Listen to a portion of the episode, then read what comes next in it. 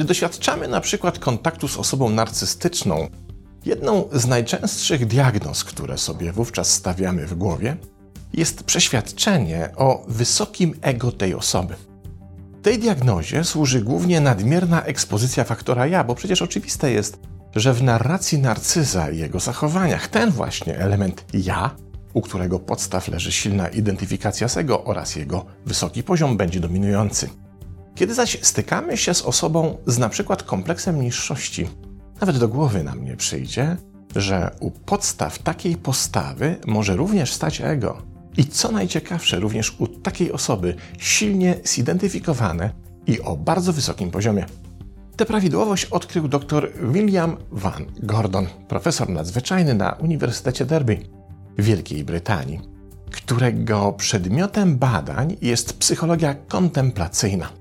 Jest autorem trzech książek i ponad setki artykułów naukowych oraz twórcą tak zwanego treningu świadomości medytacji. Jednak to, co dla nas najistotniejsze w temacie niniejszego wykładu, to jego prace z 2016 roku, które przyniosły efekt w postaci sformułowania przełomowej psychologicznej teorii uzależnienia ontologicznego.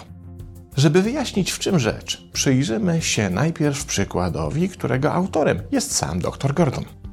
Oto wyobraźmy sobie naszego ulubionego Stefana, ale tym razem przygotowującego się do wystąpienia przed sporą widownią.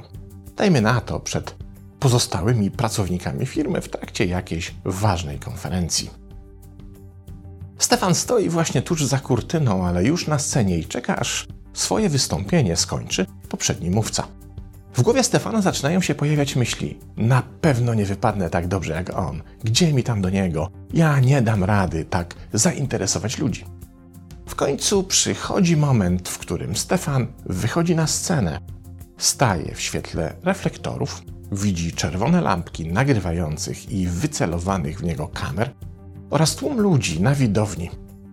Teraz Stefan zaczyna czuć drżenie dłoni, na jego ciele pojawia się zwiększona potliwość, a język stoi kołkiem w gardle, bo miejsce pierwszego zdania wystąpienia w jego myślach zajmują już jedynie kolejne zdania, jak ja wypadnę, jak ja zostanę oceniony, co oni o mnie pomyślą i tak.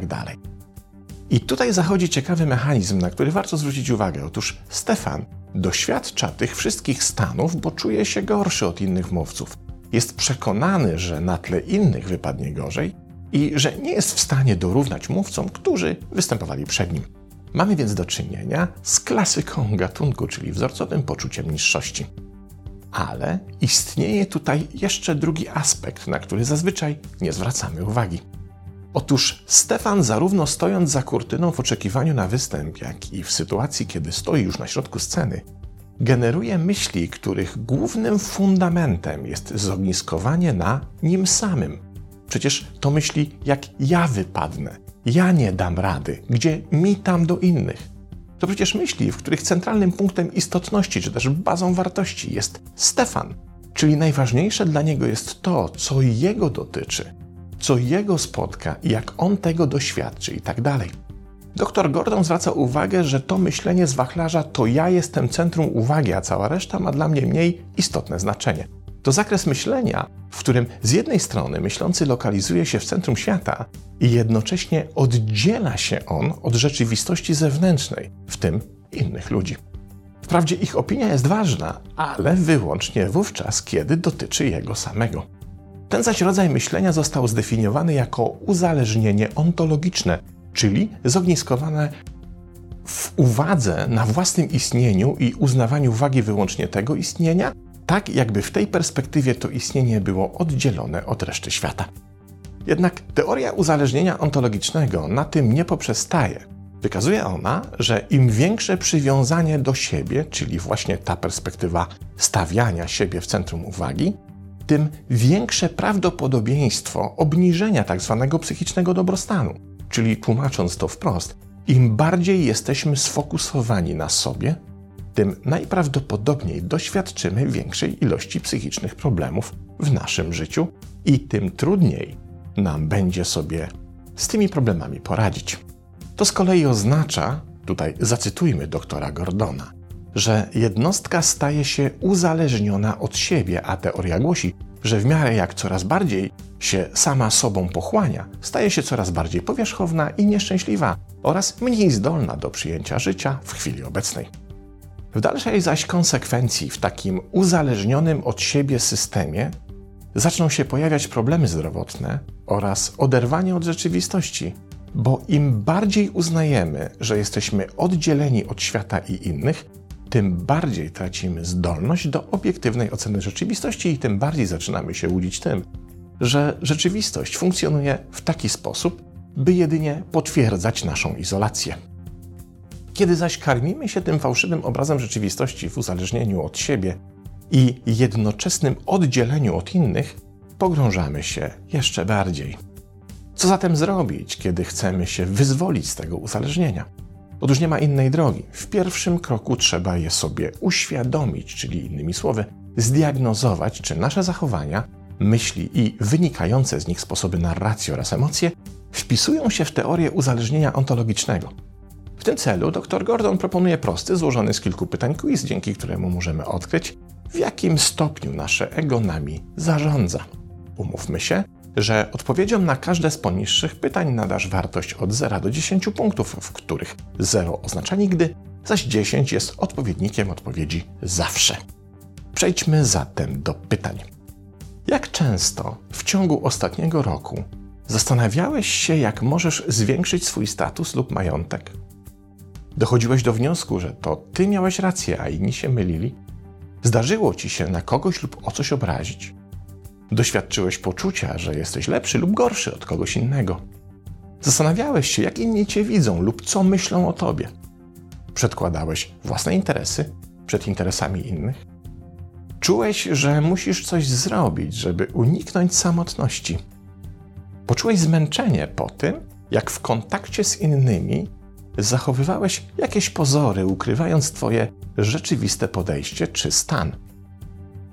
Im wyższą notę w powyższym teście uzyskałeś czy uzyskałaś, tym z większą atencją należy się przyjrzeć temu, czy czasem za Twoimi zachowaniami nie kryje się perspektywa ontologiczna i czy czasem nie zmierzasz drogą do uzależnienia od siebie.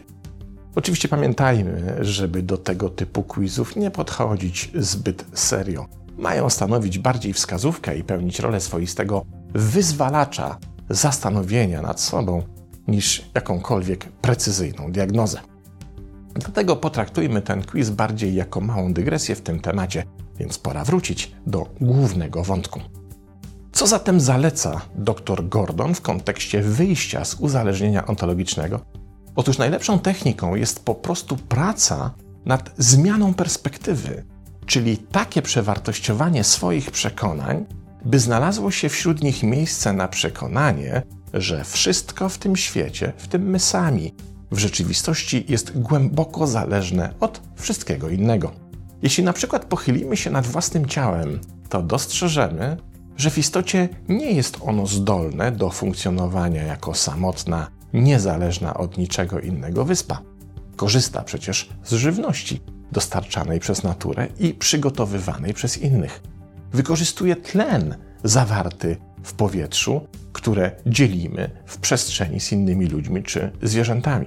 Dopóki zaś nie będziemy brali pod uwagę faktu, że nasz świat jest współdzielony oraz zależny od innych, dopóty nasza perspektywa będzie zawężona i zaściankowa, w tym również perspektywa widzenia samych siebie.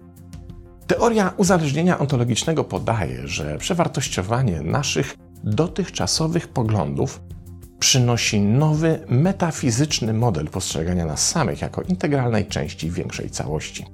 Kiedy zaś granica pomiędzy tym, co definiuje jako ja, a tym, co definiuje jako ty, on, inni czy świat, staje się mniejsza, czy też zaczyna się zacierać, wówczas samo zmniejszenie tego dotychczasowego poczucia oddzielania będzie wpływało na zmniejszenie dominacji ego w naszym systemie. I to niezależnie od tego, czy za jego sprawą czujemy się lepsi czy gorsi od innych. Czy mamy tendencję do zachowań narcystycznych, czy też wykazujemy tendencję do poczucia niższości, bycia gorszymi czy niewystarczająco dobrymi. Im mniej wyraźna granica pomiędzy mną i światem zewnętrznym, tym automatycznie mniejsza tendencja do tego, żeby ten koncept, który nazywam ja, z czymkolwiek lub kimkolwiek porównywać.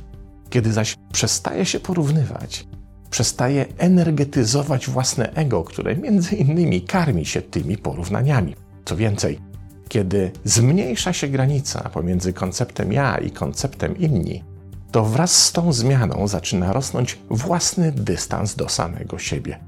A to, co przecież wiemy dość precyzyjnie, ma ścisły związek z mniejszym przejmowaniem się opinią innych na nasz temat, mniejszym doświadczaniem potrzeby akceptacji i mniejszą ilością okazji, które dajemy samym sobie, by koniecznie się zmagać z poczuciem odrzucenia.